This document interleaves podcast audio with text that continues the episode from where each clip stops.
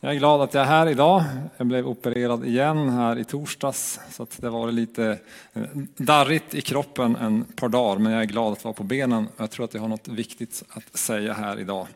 Eh, den här gången, eftersom jag har gjort det här tidigare, så lät jag bli förberedelserna i de värsta drogdimmorna så att det ska ni vara eh, glada och tacksamma för, tror jag. Jag gjorde ett sådant försök en gång tidigare och det blev inte så, så bra kan man säga. Ehm, jag tror att jag har något viktigt som sagt att säga. Ehm, jag predikade precis när det här kriget bröt ut i Ukraina för en månad sedan, ganska precis från en text i Matteus 24 och jag vill komma tillbaks till den texten idag. Jag kände när jag predikade där att det fanns något mer i den texten som jag ville, ville dela med er. Ehm, och det bygger också på att jag tog lite tid förra veckan ett par dagar och försökte be och lyssna in. Ja, men vad är det Gud gör och vad är det Gud säger till oss så här som församling? Så vi, vi läser Matteus 24, vers 3-14. Lärjungarna frågar Jesus, vad blir tecknet på din återkomst och den här tidsålderns slut? Jesus svarade dem, se till att ingen bedrar er. Och det är det jag liksom kommer att prata om idag. Många ska komma i mitt namn och säga jag är Messias och de ska bedra många. Ni kommer att höra stridslarm och rykten om krig, se då till att ni inte blir skrämda. Sådant måste hända men det är ännu inte slutet. Folk ska resa sig mot folk och rike mot rike och det ska bli svält och jordbävningar på många platser. Men allt detta är bara början på födslovåndorna. Då ska man utlämna åt lidande och dödar och ni kommer att bli hatade av alla folk för mitt namns skull. Och då ska många komma på fall och de ska förråda varandra och hata varandra.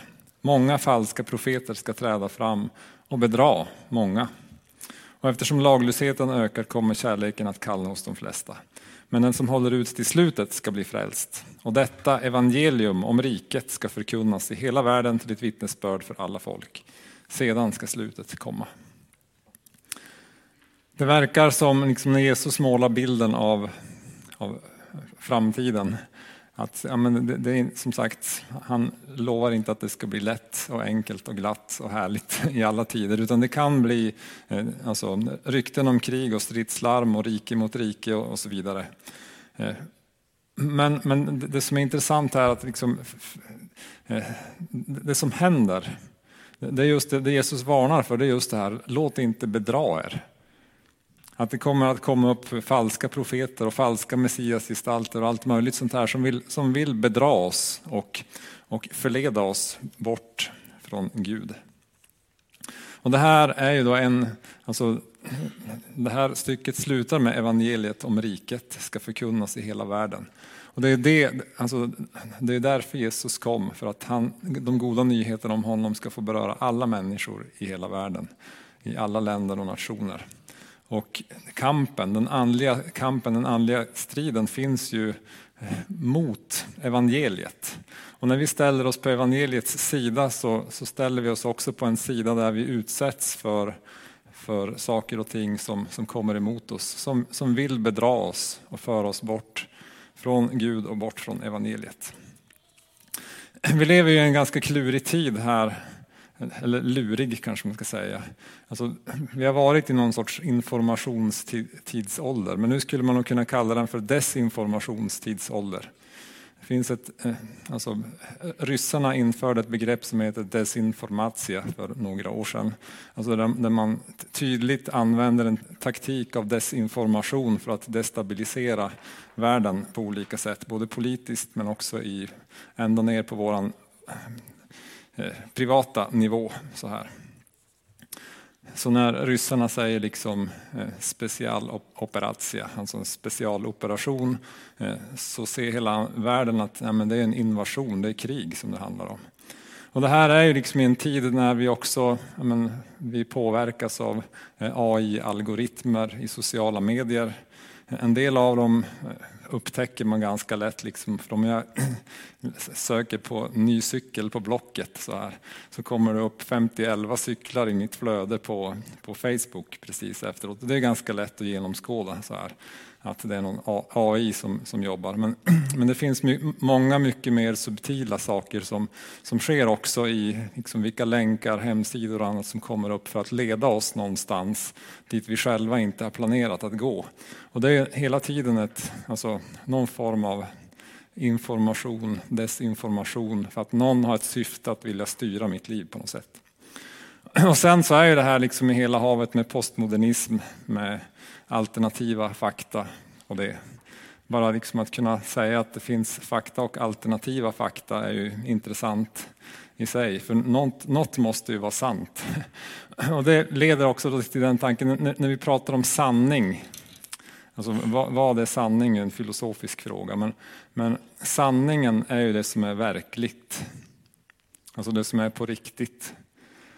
Att jag är sann, för jag jag är på riktigt på något sätt. Så, eh, så, så, när, när Putin säger specialoperation och eh, alla flyktingarna som kommer från Ukraina säger invasion, krig, bombningar så kan vi ändå tro på det de säger för vi ser bilder på det, vi hör människor som berättar. Det, det är det här som är sant. Alltså det finns en sanning och det finns något som, som inte är sant. Och det är verkligheten som, som är är sanningen. Det här tänker ju, ja men det här, okej, okay, jag är med, jag fattar det här. Det som är verkligt är sant och det som är overkligt är inte sant. Eh, och, och det är bra. Men det, det, vi behöver förstå är att vi ändå påverkas av de här sakerna. För all den här desinformationen, eh, Eh, allt som vi sköljs igenom, alltså de nyheter vi läser, det vi klickar på i sociala medier, påverkar hur vi tänker på olika sätt. Och det, det vi inte ska vara naiva för att det finns ondska bakom det i ganska många fall. Och när man då har en biblisk världsbild som vi ska se på idag så, så, han, så, ser vi också att det finns onda krafter, onda makter bakom många av de här tankarna. Som vill föra oss bort från evangeliet, bort från Jesus. Det som är jobbigt också, alltså det är att vi har förmåga att tro på lögner.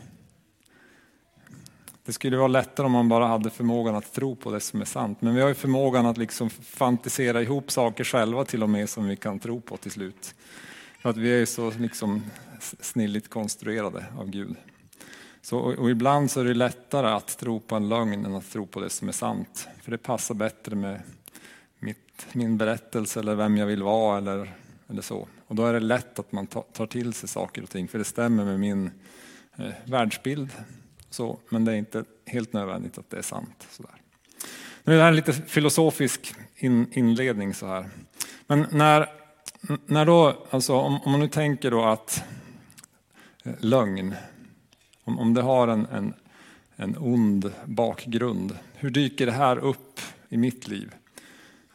Alltså, de senaste veckorna så har det funnits en tanke i mitt huvud som har sagt, eh, du kommer aldrig att bli bra i rumpan igen. Alltså det är där det är opererad. Och liksom nästa tanke, du har gjort något fel som hindrar Gud att hela dig. Och sen nästa tanke, du kommer inte att orka med eller klara av uppgiften att leda församlingen.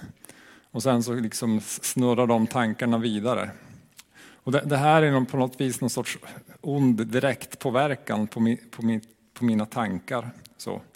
Och jag tror att vi alla utsätts för det här. Jag lyssnade på Josefins podd, hon, hon beskrev det på, på sitt sätt. Så här, lyssna gärna på det. Men, men, men bara några saker som, som jag hör, har hört både mig själv och andra säga. Alltså, här, jag är ful, ingen tycker om mig egentligen. Eller när man kommer i min ålder, jag har mina bästa år bakom mig. Eh, bäst före datum har gått ut, kommer aldrig att få göra något kul igen vilken ålder som helst. Jag är misslyckad, jag lyckas aldrig med något. Särskilt inte med att vara den jag är. Jag har ställts till det så mycket att Gud inte kan hjälpa mig. Alltså sådana tankar som direkt påverkar vårt, vårt sinne. Som har onda avsikter. För att alla de här sakerna är inte alltid sanna. om oss. Sen så kan det vara frestelser också, men jag ska inte gå in på det spåret.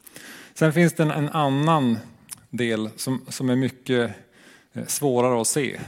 Och det är det jag skulle vilja kalla för förvirring. Så jag har mött eh, både i mig själv och några personer som jag samtalat med senaste veckorna här eh, som känner sig förvirrade. Vad håller jag på med? Gör jag rätt saker? Eh, jag känner ingen glädje i det jag gör.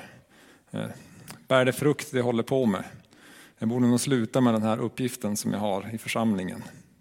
Jag kanske borde byta församling, flytta, göra något annat. Eh, det här kan förstås bero på pandemin. Det kan bero på att livet drar igång igen efter pandemin. Det kan bero på all oro vi känner runt omkring i världen. Men det kan ju också ha andliga orsaker. Jag kommer tillbaks till det. Sen finns det en tredje nivå här och det är då liksom när vi tror på desinformationen, när vi tror på lögnen. Och det, det, går ofta till så här, jag, märkte, jag ut, hamnade i det här för att jag upptäckte att det var en person som trodde en lögn om mig. Så här. För att person A sa att det var X och då trodde person B på A att X var sant och då sa person B att X var sant. Fast eh, hade aldrig kollat om det var sant. Och sen så liksom dök det här upp i sociala medier på lite olika sätt. Och då blir det lite otäckt. För att bara någon har sagt att någonting är X betyder inte att det är X. Det kan ju lika gärna vara Y, vilket det var i det här fallet. Nu pratar jag lite i gåtor, så, men, ni, men ni fattar, eh, tror jag. Att ja, men vi litar på någon. Jag, jag litar på Katarina. Om hon säger att det är så, då litar jag på det och sen så säger jag det i min tur och sen så tror du på mig. Om, om hon har onda avsikter fast jag litar på henne, nu har hon inte det tror jag, men om hon skulle ha det så, så, så blir det en, en lögn som, som sprids och som människor tror på och som, som fienden kan använda för att splittra oss. Och så. så det är liksom den tredje nivån här av desinformation i det jag pratar om. När vi ska tala om det här så vill jag nu bara liksom dyka in lite i en biblisk världsbild av den andliga världen. Eh, det här är ju kanske inte så här, eh, det, man pratar om alltid, vi har det lite i dagligt tal med djävulen, Satan och demoner och så, men vi har aldrig riktigt tänkt på hur Bibeln beskriver det kanske. I Johannes 8.44 så talar Jesus till några av de religiösa ledarna på sin tid och säger, ni har djävulen till far och vill följa er fars begär. Han har varit en mördare från början och har aldrig stått på sanningens sida, för det finns ingen sanning i honom. När han talar lögn talar han utifrån sig själv, för han är en lögnare och lögnens fader. Alltså det finns en ond makt. Jesus beskriver honom i personlig form, benämner honom som djävulen, den som splittrar och säger här att han är liksom roten till allt av lögn. Så lögn är på något vis det som, lögn och bedrägeri är en del av hans eh, ja, varelse. Så när, när, Bibeln beskriver ondskan så är det liksom inte bara den enskilda människans ondska eller världsliga eller politiska system, ekonomiska system som förtrycker och förstör. Utan det finns liksom en andlig, eller andliga makter bakom ondskan och lögnerna. Och det är det som Jesus då kallar här för djävulen. Lögnens fader. Paulus beskriver det här i Efesierbrevet 6 som någon sorts hierarkiskt system som finns i, liksom i kosmos, i himlarymderna. I Efesierbrevet 6 och 11 så skriver Paulus Ta på er hela Guds vapenrustning så att ni kan stå emot djävulens listiga angrepp. Alltså så att ni kan stå emot alltså. Och här nämner han djävulen först. Vi kämpar inte mot kött och blod utan mot förstarna. Eh, den verkar vara någon sorts övergripande nivå. Mot makterna, eh, någon annan nivå. Mot världshärskarna. Jag skrattade för jag kollade vad det här heter på grekiska och det heter kosmokratos. Det låter som någon så här kosmiska superbyråkrater som på något vis kontrollerar, eh, kontrollerar världen världshärskarna här i mörkret och mot ondskans andemakter, ytterligare en nivå, i himlarymderna. Det verkar vara det som rör sig omkring oss och närmast oss och det vi i dagligt tal kanske då kallar för demoner. Varför vill jag ge den här bilden? Jo, men det är på något vis så beskriver Jesus att i den onda världen, bakom ondskan, bakom lögnerna, bakom krigen, bakom allt det här som sker så finns det eh, andliga makter som, som påverkar och som vill vara med och styra. Och lögn och bedrägeri är en av de, en av de krafterna. Både liksom på den eh, övergripande systemnivån och på lite andra nivåer. Så här. Och också då in i våra mina tankar till och med. Jag tänker på den här förvirringen som, som jag och kanske andra upplevt så, så tänker jag liksom, men när, när världen skakar om som den har gjort nu här senaste åren, först med pandemi och sen med, sen med de här krigshandlingarna i Ukraina. Så nu, nu, liksom, nu, nu tänker jag bara, om ni använder den här bilden då med, med olika nivåer i den andliga världen, så verkar det som att menar, vi kan se på, på jordens yta att det är truppförflyttningar, krig, det händer saker. Jag liksom bara tänker mig att ja, det är omorganisation också i den andliga strukturen. Så. Vilket då skulle kunna, det här är bara min spekulation, men, men skulle kunna innebära att helt plötsligt så är det andra eh, tankar, andra lögner, andra andliga makter som rör sig också runt omkring oss i Stockholm helt plötsligt. Så jag tänker bara man kan se också, nu menar jag inte att politiker per se är onda, men, men bara liksom att man helt plötsligt så byter man åsikter om saker och ting väldigt snabbt. så här. Och för mig så är det på något sätt ett tecken på att ja, men det är någonting i den andliga världen som skakas om, så att det finns på något vis utrymme för positionsförändringar.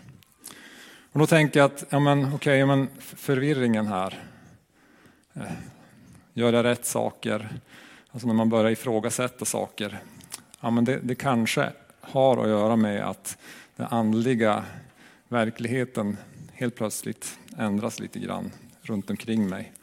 Och att fienden vill få mig och oss att lägga ner vapnen, att lämna evangeliet, att sluta predika, packa iväg och göra något annat. Liksom. Och det här är ju då hela tiden eh, djävulens taktik. I andra Korinthierbrevet 11 och 3 skriver Paulus så här. Men jag är rädd att liksom ormen med sin list förledde Eva så kan också era sinnen förföras och vändas bort från den uppriktiga och rena troheten mot Kristus. Det här är då alltså bedrägeriets, lögnens syfte, att vända oss bort från den uppriktiga och rena troheten mot Kristus. Jag ska inte läsa hela passagen i första Mosebok 3 när Eva möter ormen. Oavsett om vi tror på en, eh, talande orm eller inte så, så, beskriver den berättelsen hur, hur djävulen väldigt ofta jobbar för att förleda oss. Jag vet inte om ni kommer ihåg det, men, men ormen möter Eva när hon är ensam. Inte när hon är tillsammans med Adam, utan hon, hon är själv. Alltså det här att ja, men när vi är ensamma, när vi är isolerade, det är då de här tankarna kommer, när man sitter där själv i mörkret med sin eh, scrollar på sociala medier eller ligger under täcket och tänker. Det är då de här tankarna ansätter oss. Så fiendens taktik är att isolera oss, skilja bort oss från mängden. Inte eh, vara tillsammans här i kyrkan och sjunga att du är fantastisk, utan, utan få oss att vara ensamma. Det andra som han gör är att, att han ifrågasätter. Ormen säger till Eva, skulle då Gud ha sagt? Och, och, och då handlar det om, vilket, alltså, alltså om att äta frukten från kunskapens träd. Men, men ifrågasättandet av vad Gud har sagt. Både sanningarna som finns i Guds ord, men också det Gud har sagt till mig som handlar om kallelse. Eller livsuppgift, eller tilltal som jag har fått och så. Ja, men är det verkligen Gud som har sagt det? Har Gud verkligen sagt att du ska bo i Stockholm? Har Gud verkligen sagt att du ska vara med i Korskyrkan? Har Gud verkligen sagt att du ska vara med i en hemgrupp? Har Gud verkligen sagt att du ska... Eh, ni fattar, liksom alla de där ifrågasättandena. Och sen, det som händer sen är att, man börjar, att fienden börjar omdefiniera vad, vad som är sant. Till Eva säger ormen, du kommer inte att dö, du kommer att bli som Gud. Två lögner rakt i ansiktet. Eh, för han börjar omdefiniera Och till oss så kan han ju säga, nej men det är inte så farligt. Ingen upptäcker det. Gräset är grönare på andra sidan. Det blir lugnare om du slutar. Du blir lyckligare med en annan fru. Eh, och så vidare och så vidare. Och sen så kommer de där lögnerna som vill, vill leda oss fel. Och sen, ja men det Eva gör är att hon går på det här, hon tar det till sig. Hon handlar på lögnen och ger utrymme då för konsekvenserna som kommer av det. Och då upptäcker man sin nakenhet, att Guds härlighet är borta, att man har fått distans till Gud och till andra människor. Och, eh, ja, och sen så har våra sinnen vänts bort från den rena och uppriktiga troheten till Kristus. Så här. Det är den, men, det är den liksom banan som det väldigt ofta går på. Och jag tänker att det vi behöver göra är att det här behöver brytas. Alltså vi behöver bryta, bryta de här lögnerna, vi behöver häva förvirringen. Och det här är ju ett budskap som är i serien att kärleken övervinner. Och eh, kärleken övervinner även de här förstarna och makterna. För de kan inte skilja oss från Kristi kärlek, från Guds kärlek i Kristus Jesus. För det finns en kärlek hos Jesus som, som befriar oss. Det finns en sanning hos Jesus som, som, som befriar oss, som vi kan hålla fast vid. Jesus säger i Johannes 8 och 32 och 36 så här. Ni ska lära känna sanningen och sanningen ska göra er fria. Om nu sonen gör er fria blir ni verkligen fria. Så det finns en, en frihet i sanningen. Att kunna säga men det är det här som är verkligt, det är det här som är riktigt. Och det som är sant, det finns hos Jesus. Jesus är vägen, sanningen och livet. Och också det som är sant om mitt liv. Alltså det som är sant om mig är att han, han har kallat mig. Han har kallat mig till Stockholm. Eh, genom hans sår är jag helad, det står i Bibeln. Han har förlåtit mig mina synder. Jag är älskad. Jag är till och med snygg. Om du frågar Jesus i alla fall. Han har kraft att ge, han har kraft att ge till mig att stå i den kampen som jag står i. För, för han är med mig. Det står också i Bibeln. Så, alltså, så, den sanningen, alltså, de sanningarna befriar. Utan den sanningen så hade jag antagligen inte stått här idag av en mängd olika anledningar. Och när vi, när vi litar på sanningen, alltså när, när vi tar sanningarna till oss, så för det oss närmare Jesus. För, för alla sanningar leder till Jesus, för Jesus är sanningen.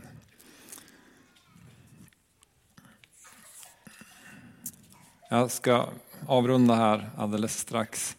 Det här, det här är mest en påminnelse om att liksom, ja, men det, det pågår saker och ting både runt omkring våra huvuden och i våra huvuden. Och ibland i våra hjärtan och kroppar också som, som har förmåga att bedra oss. Och dra oss bort från Jesus, dra oss bort ur gemenskapen, få oss att sluta att eh, predika evangeliet. Och de sakerna behöver vi se. Så om jag ska göra någon form av tillämpning på den här predikan så handlar det om för det första att inte dra sig undan gemenskapen. Jag uppskattar verkligen att vi sjöng den här sången först idag tillsammans med värme i Guds familj. För, för där finns det ett, ett skydd. Där finns, där finns Jesus. Och om du känner att du har blivit isolerad på något, på något sätt så behöver alltså, isoleringen behöver brytas. Du behöver, det kan vara faktiskt så att du behöver ta ett steg tillbaks in i isoleringen. För isolering är oftast något som vi själva känner men som andra inte märker. Och då behöver du kanske liksom övervinna den och kliva tillbaks in i gemenskap. Det andra jag tror att vi behöver göra är att be, be Gud om urskiljning. För i, i det här, de här förvirrade tankarna så är det ibland svårt att förstå vad som är Gud och vad som är jag och vad som är ormen som viskar. Och då behöver vi urskiljning. Och särskilt liksom om, om, om vi är vana att höra eh, fiendens röst här och Guds röst här, ja, men då, då, då fattar vi att det där är fienden och det här är Gud. Men i tider när saker och ting kastas om så, och så är Gud plötsligt på den sidan och fienden på den sidan. Eh, då, då måste vi förstå, ja, lära oss att känna igen rösten på vem som talar jag vet inte om ni fattar den här bilden, men, men det kan faktiskt vara så att ja, saker och ting skiftar lite grann sådär. Och då behöver vi verkligen ha urskiljningen och förstå vad som är Gud, vad som inte är Gud. Och självklart så är ju bibeltexten, bibelordet, något som kan hjälpa oss att förstå vem Gud är, men också Guds ande. Det tredje handlar om att sätta ord på, på de här lögnerna. Sätta ord på sina ifrågasättanden. Både för sig själv men kanske också till en vän. Alltså det, det, att bara liksom säga till en, om jag skulle sätta mig till Katarina så skulle jag säga alla de här sakerna som, som snurrar här, att jag är ful och ingen tycker om mig. Och hon skulle ju tro att det var knäpp, liksom. antagligen. Och så skulle hon säga det till mig också. Nu är du knäpp, Rickard. och ja, men att bara säga det till, någon annan av, kan ju avslöja och då kan någon annan också få säga sanningen in i mitt liv. Ska vi be om förlåtelse när vi har accepterat lögnen. Så kan vi be Guds ande fylla oss och så kan vi få tillbe Jesus i uppriktig och ren trohet till Kristus. Idag så tror jag att Jesus vill komma med frihet i ditt liv, i dina tankar och eh, så bryta lite av det här betrycket. Kanske bryta en del lögner, eh, alltså osunda beteendemönster. Och vi har vi har både förebedjare och själavårdare som, som kan be och samtala med dig. Eh, men det är också så att vi kan be om urskiljning och uppenbarelse så att vi förstår vad som är Guds väg i den förvirring som vi har just nu. Och vi är en församling som vill följa Jesus, vi vill förkunna evangeliet, vi vill leva i frihet och vi vill inte bli bedragna av fienden. Amen. Herre, vi tackar dig för ditt ord. Vi tackar dig för att du är sanningen Jesus. Vi tackar dig för att du, det finns ingen lögn i dig. Tack för att du vill avslöja alla lögner som vill hindra oss och binda oss och hålla oss tillbaks. Jesus, jag ber att du ska komma med din helige Andes frihet i oss i den här gudstjänsten idag. På alla de områden där vi behöver det. I Jesu namn. Amen.